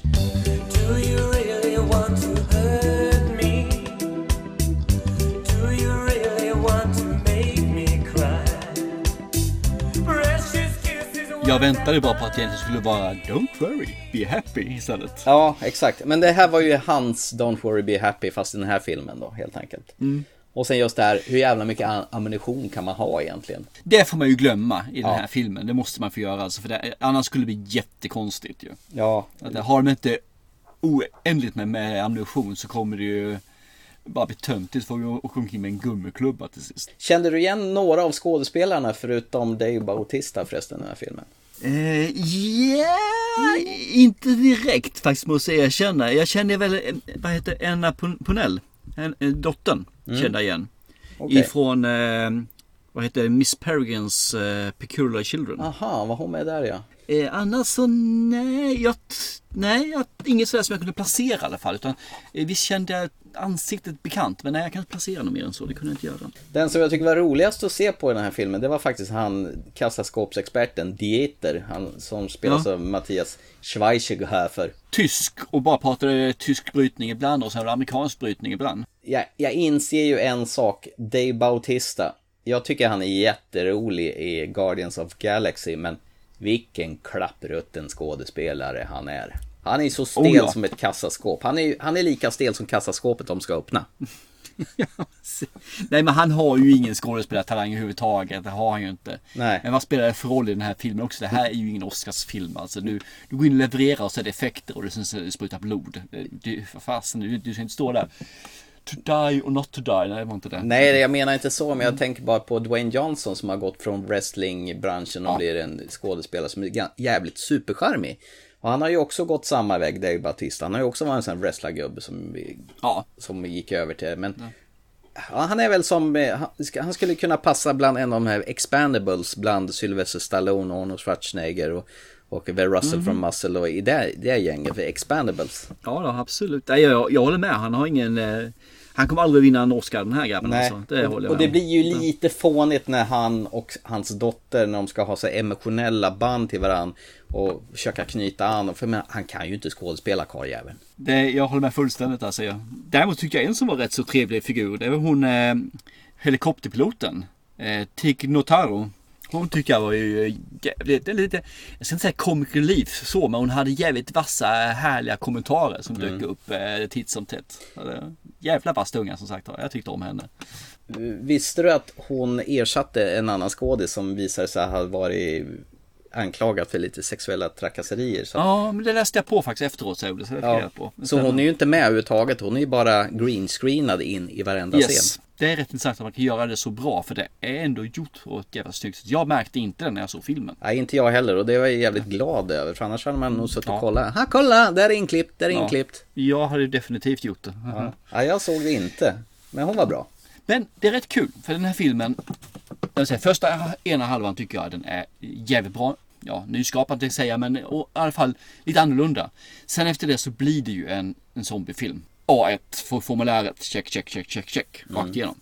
Men den har- ändå blivit så pass tror jag att de känner sig så pass komfortabla med den. För de har redan nu annonserat att det blir en Arm of Dead Lost Vegas, en tv-serie. Jaha, se där. Där i stort sett alla karaktärerna är med i den serien som är med i filmen. Men alltså riktiga skådespel. Men vänta, jaha, okej. Dave Batista ska vara med. Eh, hon och helikopterfiguren nu, alltså Tig Notaro ska vara med. Zack Snyder ska regissera den. Och sen så är det flera andra, de namnen på dem, som också ska vara med i den här serien. Så att det, de gör alltså något nytt nu med den här världen. Med de här rollfigurerna. Och sen så glömmer man bort att filmen är ja, parallellt universum kanske. Eller sånt där, jag vet inte. Men alltså karaktären ska vara, för skådespelarna, jag antar att karaktären också. Och Zack Snyder ska göra någonting till. Och då är det en tv-serie med den. Det kan bli hur jävla kul som helst. Han fick mer smak med andra ord. Jajamän, och jag förstår.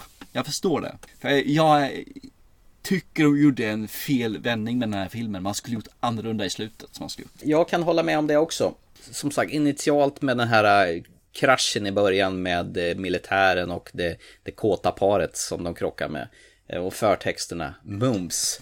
Eh, det, jag, jag köper den här flörten med Ocean Eleven grejset och jag tycker det är jävligt ballt när de tar sig in. Man, man får se under, oj, de har ställt containrar runt hela Las Vegas. Så där får man väl, hur fan gick det till att lyckas bevara alla zombisar där inne? Men det, glöm det då. Och coola effekter. Den här tigern var ovanligt snygg för att vara en CGI-ad tiger. För den har ju... Nej, det är inte CGI-ad. Är den inte? Nej, bitvis är den det. Men många av scenerna så är det faktiskt en riktig tiger. Ja, de det måste ju vara det, för den har ju rätt tyngd och rätt rörelsemönster. För jag menar, när det är CGI så brukar det bli ganska... Man, man får inte med de här att en tiger är tung och rör sig nej. på det här. Utan de har ju fått Så det här är med... en sminkad tiger alltså i många av scenerna. Ja, och sen har han väl lagt på kanske CGI-grejer ovanpå då. Helt enkelt. Jo, jo, alltså hur den ser ut. eh, Just det här, alltså eh, zombieliknande. Det har de ju gjort såklart ju. Mm. Så de har säkert sminkat den med vissa former och så här saker. Och så har de ju CGI på själva Mm. grafiken efteråt. Det kan jag tänka mig. Men själva, själva heter är alltså på riktigt. Han är där. Och, och det är coolt det här med den här sågmaskinen som, som de har och sågar sönder och samman eh, folk på hälften och så vidare. Det jag stör mig på att han brukar göra ganska originella grejer och just det här att han plockar saker och ting som redan är gjort eh, ganska hårt. Och, och det blir det här klyschiga grejerna, till och med fan en kopierad slutsekvens på Aliens, vi kan ta det sen vad, vad jag menar. Men det, det, nej, jag ruttnade på den här filmen halvvägs. Alltså, sista halvtimmen förstörde den här totalt. Jag var, med, jag var så jävla med på tåget halvvägs in i filmen. Ju mer den gick, ju mer irriterad blev jag. Så att i slutändan så kan jag lugnt säga att det här är i särklass Zack Snyders sämsta film. Jag håller inte med där. Jag tycker den här faktiskt är helt okej som en zombiefilm. Jag tycker den här fungerar. Det, det, jag tycker om början på den. med. Sen slarvar de bort tycker jag lite grann. Men det är fortfarande en helt okej zombiefilm alltså. Jag tycker om... Det, det finns ju flås i den här. Det är ju inte mer med det. Alltså. Det finns så mycket konstigheter som man... Om man börjar grotta ner så... så ja, det, det kan ju bli A-sidor långa med punkter liksom. Inte mer med det. Men jag tycker den här är bra. Jag hade underhållning av den här faktiskt. Min äldste son tyckte också att den här, han grottar ner sig för mycket i vissa potthål och så här när han pratar om det. Men han tycker också att den var underhållande och helt okej. Nej, jag tycker inte den här är så dålig som du presenterar den faktiskt. Den håller eh, helt okej. Nej, Jag blir irriterad när, när folk gör såna jävla idiotkorkade jävla val. Bara för... Ja, men det gör de. Ja, men det gör de absolut. Bara för att det ska bli... Jag vet inte om det är dåligt skrivet eller vad man nu ska säga det. Men, eh, och sen stör jag mig på Dave Bautista. Han är, har den bärande rollen och han är den som är sämst i hela filmen. Bäh. Dave Batista är ju bara där för att han är Dave Batista. Han är ju namnet. Det är ju inte för skådespeleriet. Det är de andra som kan sköta det. De har kunnat tagit vem som helst. De kanske inte hade behövt haft ett namn. För jag menar, namnet Zack Snyder i sig själv är nog tillräckligt för att folk ska se det här. Jag tror ju också att den här filmen hade blivit bättre om det inte varit Dave Batista som hade varit där utan han hade tagit någon annan figur. En halv semikändis. Ja, men eh, inga kändisar överhuvudtaget. För då, då hade det kanske blivit lite mera så här, vem, vem vinner och vem försvinner? Ja. Plöts, plötsligt så vänder det. Då hade det kan det blivit lite mera så här, jaha, dog han? Jaha, klarar sig den sig? Eh, Utan det blev ju som en hierarki här istället. Vem som ska överleva och vem som ska klara sig. Jo, jag kan köpa det till viss del. Även om den här hierarkin faktiskt frångås tycker jag rätt så markant ibland. Ja, nej, men jag ville så jättegärna tycka det här var så nice hela vägen, hela vägen i mål. Men det var för mycket som kändes plankat stulet och, och det landade inte så bra för mig. Ja, jag tycker den här är helt okej. Vet jag om folk som tycker om zombiefilmer och vill se en ny zombiefilm så om man väljer mellan de nya så är det ju Peninsula och den här kan jag tänka mig. Och den här är ju absolut sevärd. Peninsula är ju inte. Så att nej, men jag kan rekommendera den här till zombiefantaster som tycker om det. Ner till slabb och sånt. Eh, lämna gärna hemma. Och, så att, eh, Det var samma premiss. Ja, ja, ja, ja. ja. ja nej, men jag tror vi går ifrån varandra där faktiskt. Jag, jag kan köpa vad heter det, flåsen i den här filmen. För det är just en zombiefilm och där, då finns det felaktigheter. Det finns potthål. Det finns alltså hur mycket dumt som helst. Och att göra fel val och dumma val ingår i nästan den här filmen. Det är nästan ett måste. Du ska göra dumma val. Det är ju en action liksom också. Och så lämnar man ju förstås upp ett mål till att göra en uppföljare om man nu skulle vilja göra det förstås. Ja men det, det är ju alltid, det, det ingår i premissen som sagt för att man, det ska finnas en, en uppföljare. En varning om det. Däremot tycker jag det är intressant att de har döpt den här till action, absolut. Horror, eh, ja men det kan jag väl köpa så att vis. Men crime, ja de ska stjäla pengar. Men Ja men det är ju ett brott ju, de gör ju ett brott. De ska ju stjäla stålars. Ja men de stjäl ju inte dem för det är ingen som äger pengarna längre. De är redan ersatta från eh, säkerhetsbolaget. De lyfter ju pengarna. Det, det är egentligen eh, så här vrakplundring kan man säga som man gör på en skepp. Ja, spännande. Det är kul att vi inte möttes där. Och... Men nu är, du, nu är du alltså tre av tre att såga filmer idag. Ja, jag vet. Jag är ju en riktig jävla tjurgubbe idag. Förlåt.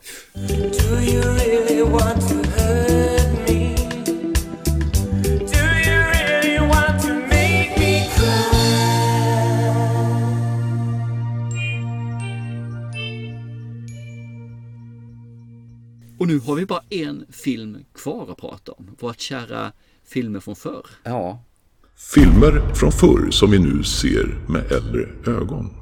Och den här gången var det en film som du valde. Ja, precis som jag stötte på i ett forum, ett filmforum där, att de pratade om den här, att de hade sett om den och tyckte inte alls att den här var lika bra. Eller det var några som tyckte den inte var lika bra och några som tyckte fortfarande var jättebra. Så diskuterade de hur de har missuppfattat filmen och så vidare. Men jag blev i alla fall nyfiken själv att se den här en gång till nu. För nu är det jättelänge sedan jag såg den här, jag har bara sett den en gång.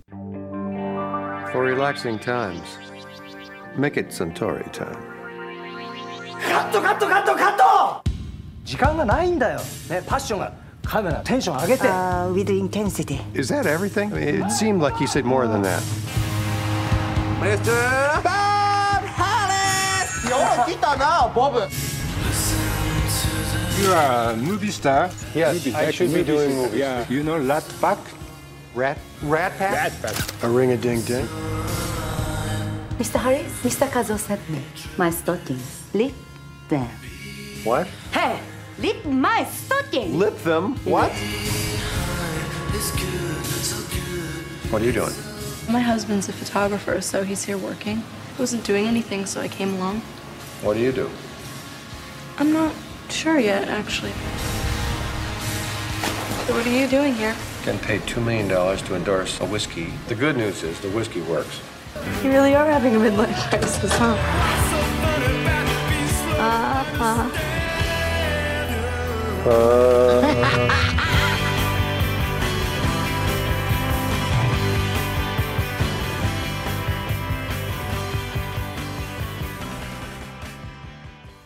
Jag kommer faktiskt inte ihåg när jag såg den här. Länge sedan i alla fall. Den är ju från 2003 den här så jag kan tänka mig att jag såg den kanske fyra, fem någonstans där. Jag tror inte jag såg den med en gång. Och det enda jag kommer ihåg är just det här med att vi har då två personer då, Scarlett Johansson och Bill Murray.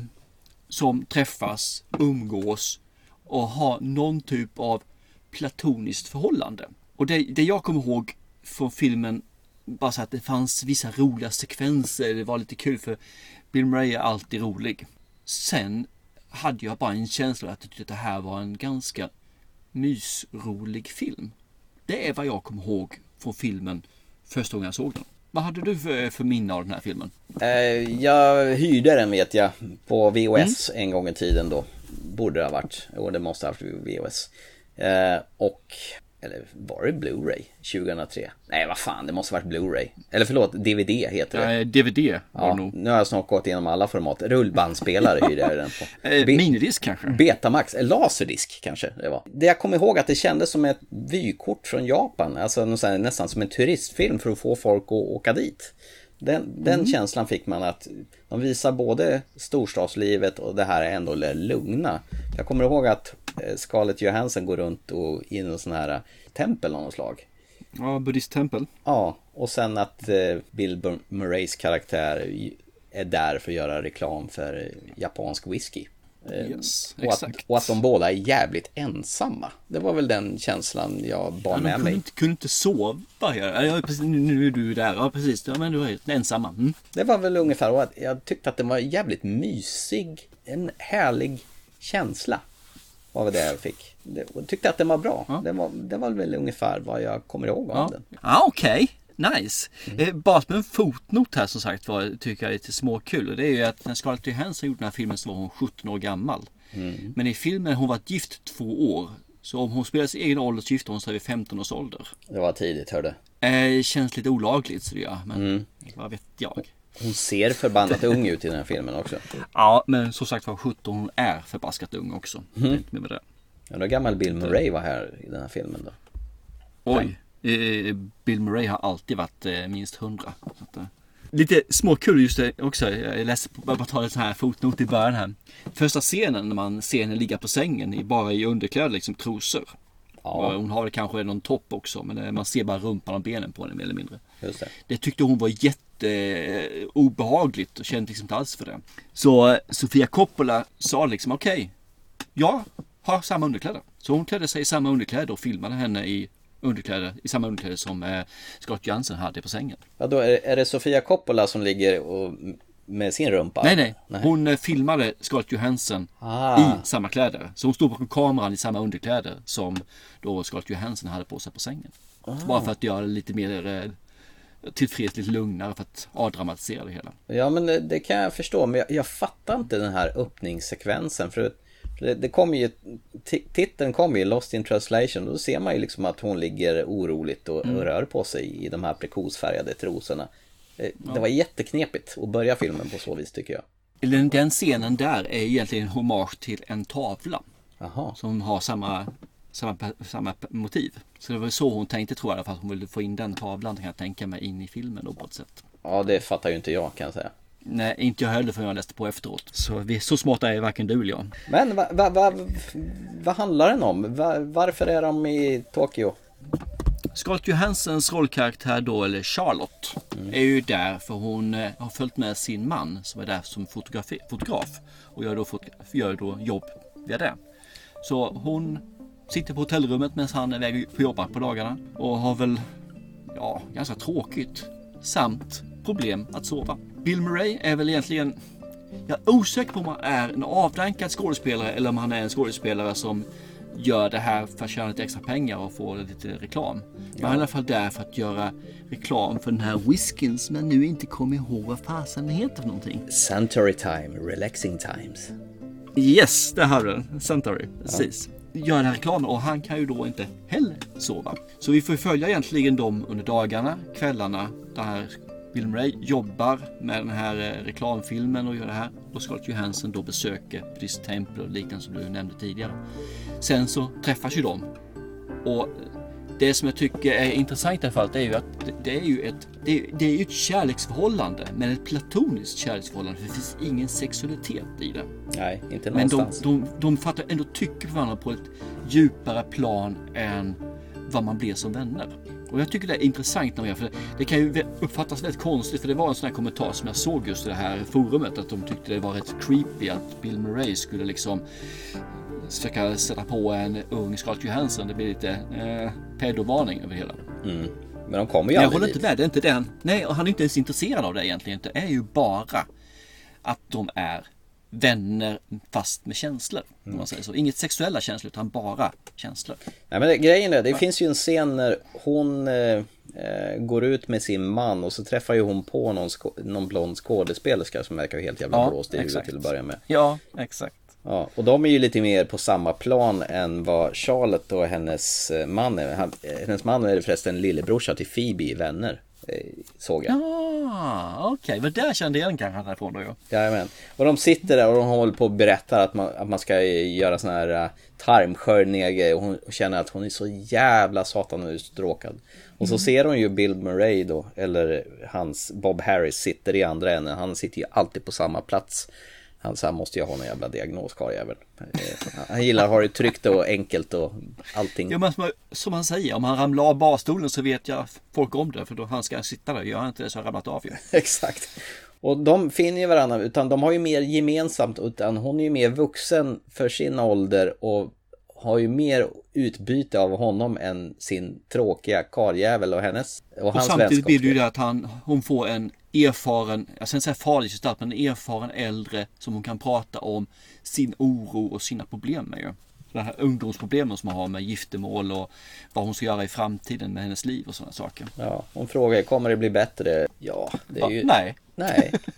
Först ljuger han och säger, jo men det blir det. Nej men nej förresten.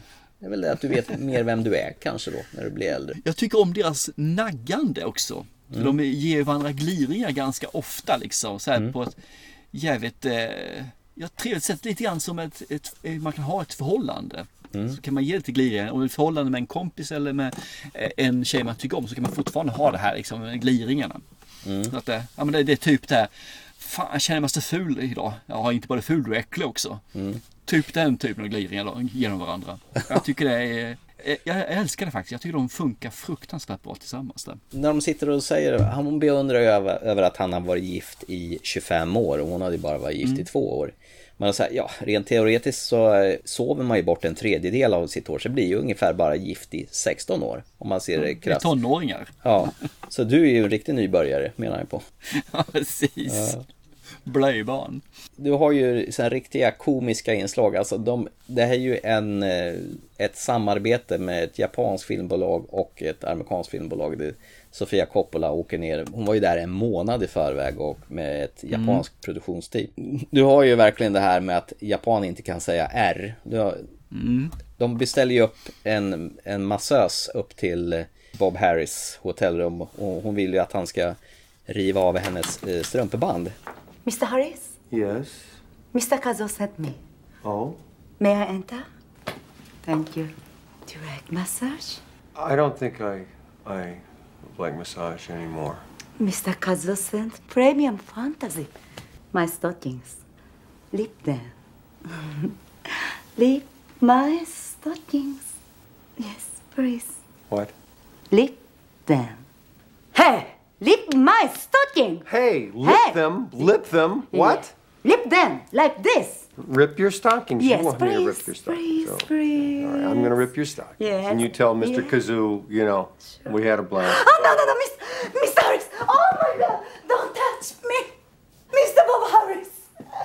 Don't touch me! Just lip my stocking! Oh, no, Mr. Harris! Eh, så, men hon kan ju inte säga R så det blir Lip my stockings. Så det blir en sån jävla komisk situation där och ja, det är fantastiskt. Och det som är roligt, för det, det kan ju lätt bli slapstick. Men de håller ju en, man kan, jag tror att när han tog det här och då, eh, Sofia Coppola sa ju liksom att det måste bli du som är huvudrollsinnehavaren. Så vill han ju veta, ja hur rolig vill hon att jag ska vara?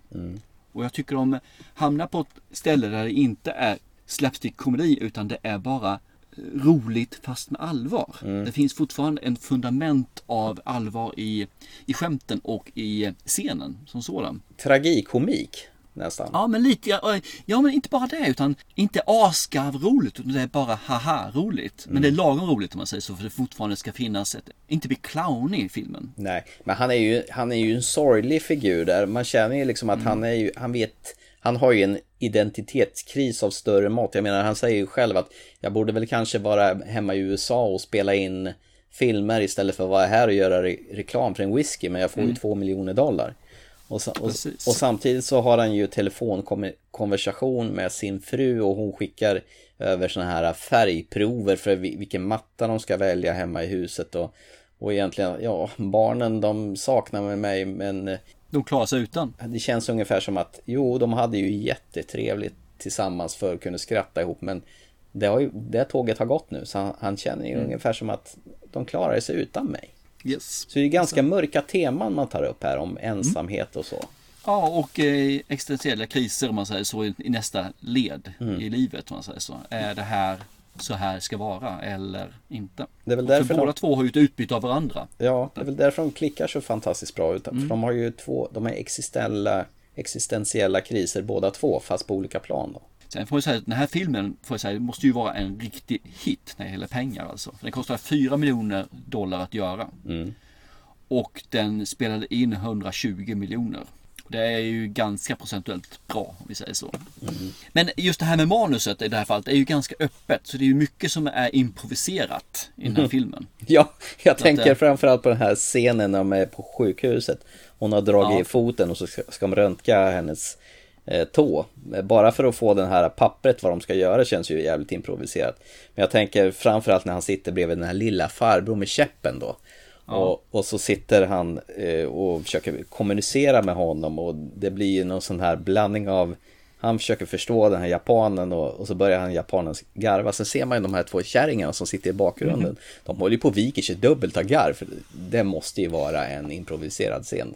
Det tror jag också. Och det finns ju en extended eh, sen extra materialet. Ja, just det. Där han, eh, man får se mer hur han pratar med honom och det känns som att det, är, det där är ingen skådespelare. Nej. Och tittar man på det också så hade de ju inte några de hade inga rättigheter att filma på många av ställena så de gjorde ju liksom, fick göra filmningen snabbt och sen ge sig iväg därifrån. För kom polis så hade de ju rökt dit. Ja, just det. De, de så är- det fanns liksom inga licenser överhuvudtaget för dem att filma i Tokyo. Ja, just det. De, de går in på en restaurang och beställer in någonting att äta och så sätter sig vid något fönster bara för att få en, en sån här övergripande scen uppifrån ner mot gatan för att få, få en liten sån vy. Exakt. Ja, smart.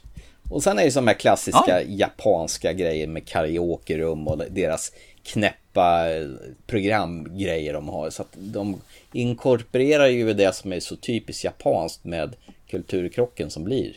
Det roliga är ju eh, jag har inte varit, jätte, jag har inte varit i Japan. Jag har ju jobbat ihop med Japan eh, tidigare.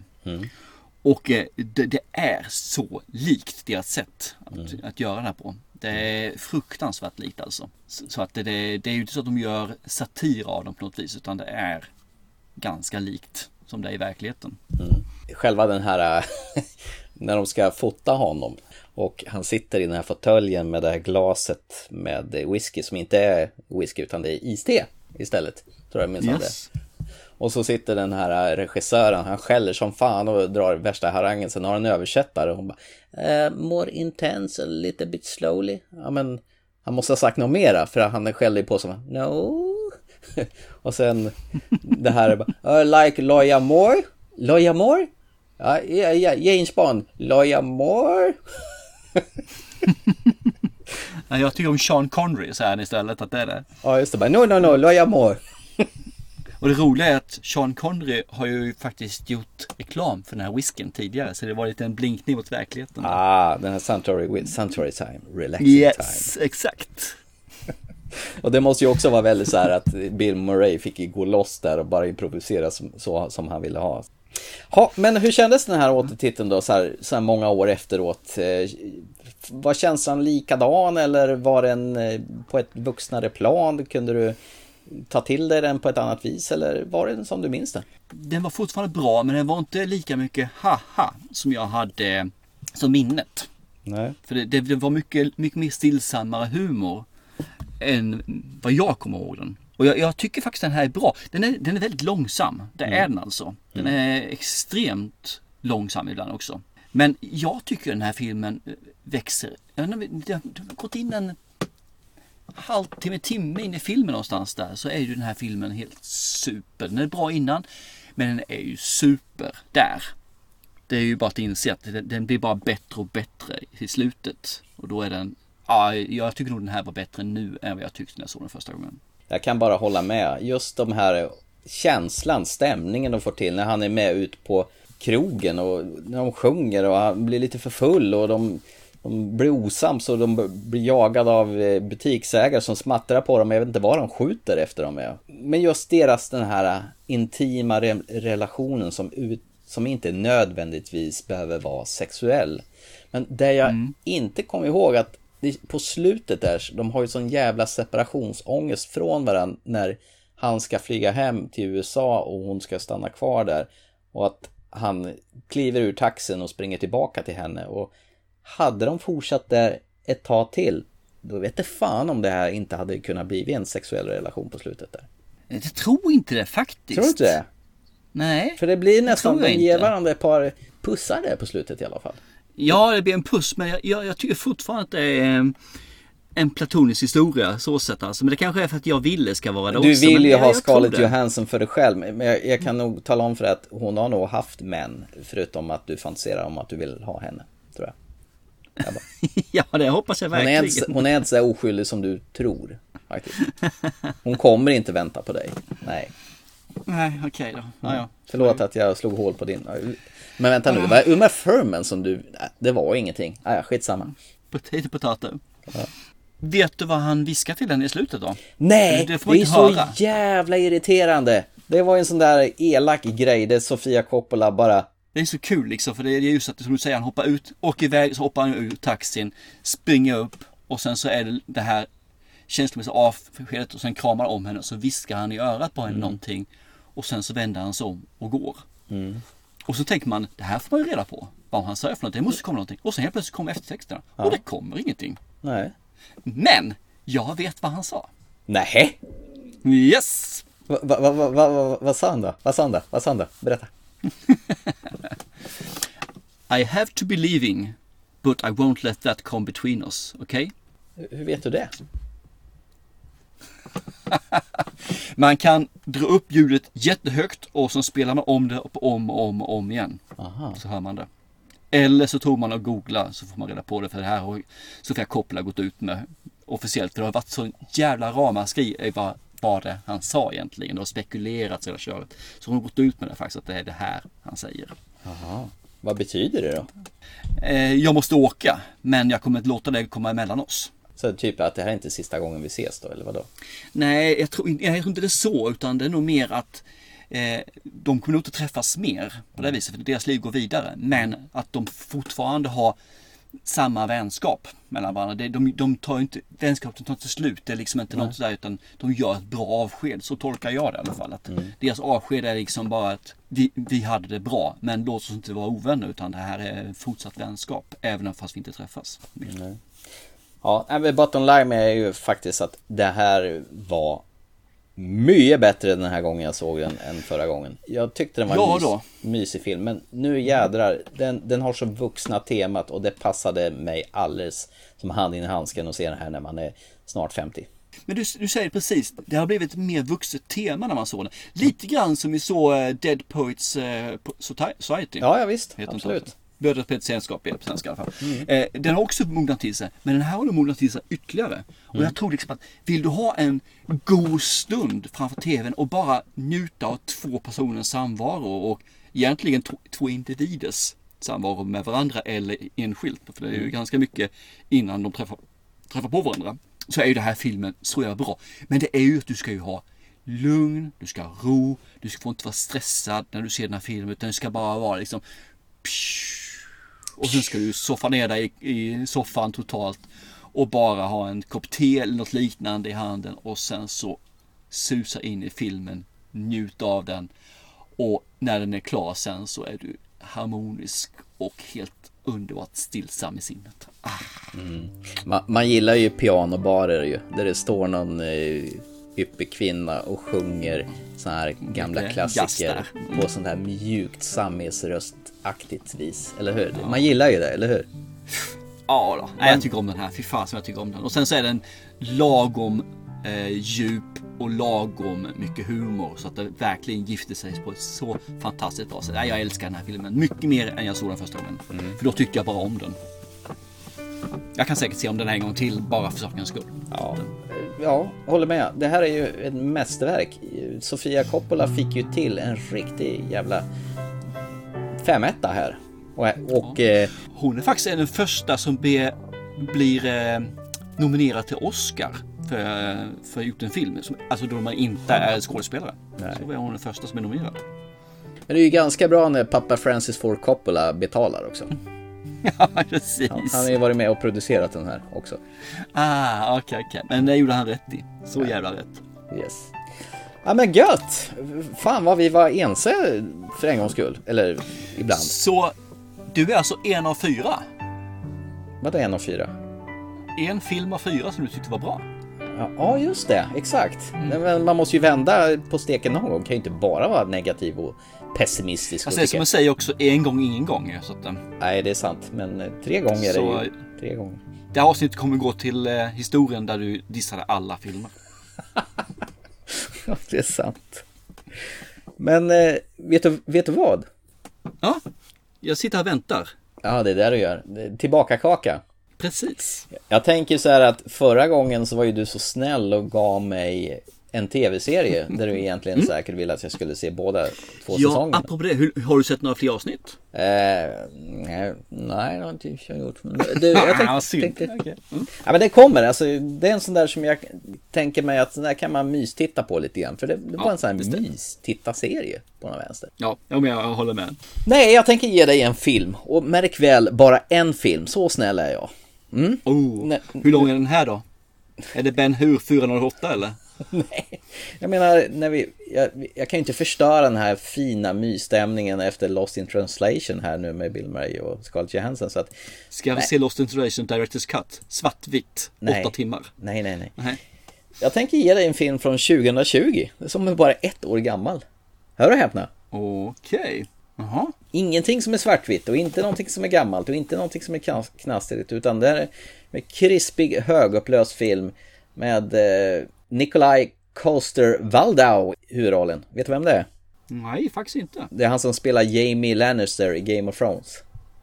Aha, Mm. då borde jag veta det ju. Absolut. Men det, det, de, de namnen är ju helt bortsorterade för mig, måste jag erkänna. Så att, eh, Nej men den här skogstokiga filmen eh, heter The Silencing och är inte alls så gammal. Så att eh, den tycker jag Ah. att du ska se till eh, nästa program. Där den gamla jägaren snurrar runt i skogen och ja.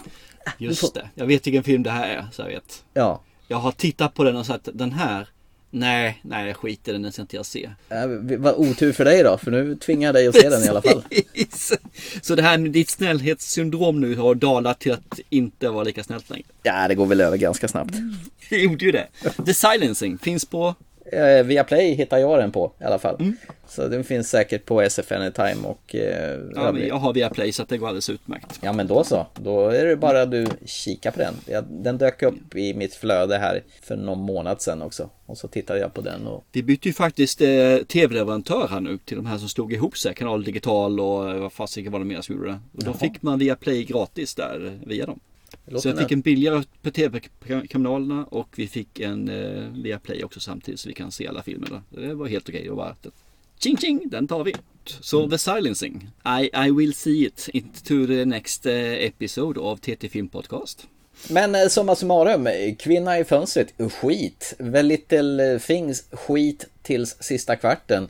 Eh, Army of Dead, eh, halva bra, resten skit. Eh, men det tyckte inte du. Nej, det var helt okej den. Den tycker jag. Zombiefilm är jättebra. Eller bra. Sucker Punch var ju en bra film annars som Zack Snyder Oh, gjorde. Riktigt lysande. Men vi är rätt ensamma om det känns som. Ja, bra. men Sweet Dreams are made of this, säger jag bara. Den lyssnar jag fortfarande på den. Det gör det. Ja. Och avslutningen Du glömde sista sin- filmen. Ja, du glömde Lost in Translation. Jag tänkte avbryta det, men jag gjorde det i alla fall. Ja, mumma, mumma, mumma, mumma, Mm, mumma. Mumma, inte, absolut. Håller med fullständigt. kan inte understryka nog hur mumma Lost in translation är. Och det här är då en film som är snart inne på 20 år. Bra jobbat. Den är äldre än Scarlett Johansson var när hon spelade in den. Du, bara en fotnot. Jag måste säga en sak till. Jag måste säga en sak till om Lost in translation. Det här, Jaha. det här är jättekul. Okej. När hon är nere i tunnelbanan och Mm. åker. Ja. Så tittar hon ner på en, en person där som håller på och läser en serietidning. En eh, anime serietidning. Vet du vad det är för serietidning? Mm, nej. Ghost in the Shell. Jaha. Ja, du. Som hon sen då gjorde och fick mycket kritik för att hon eh, gjorde den då. Men herregud, vi får ju snart se henne i eh, Black Widow också. En annan... eh, Ja, det ska bli jävligt kul. Ja, det var bara det, jag kom på den nu för jag får inte glömma bort den. Den är ju jättekul den. Men eh, ska vi klappa igen butiken för ikväll, tycker vi, kanske? Det gör vi.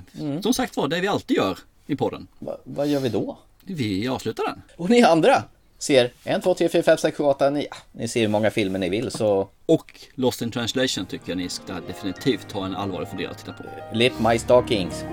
Så till nästa gång. Chip chip. Hej då! Bright light city, gonna set my soul, gonna set my soul on fire. Got a whole lot of money that's ready to burn, so get those stakes up higher. How I wish that there were more than the 24 hours in the day. Even if there were 40 more, I wouldn't sleep a minute away. Oh, oh, oh Viva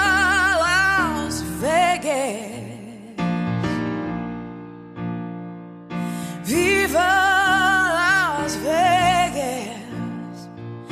Viva,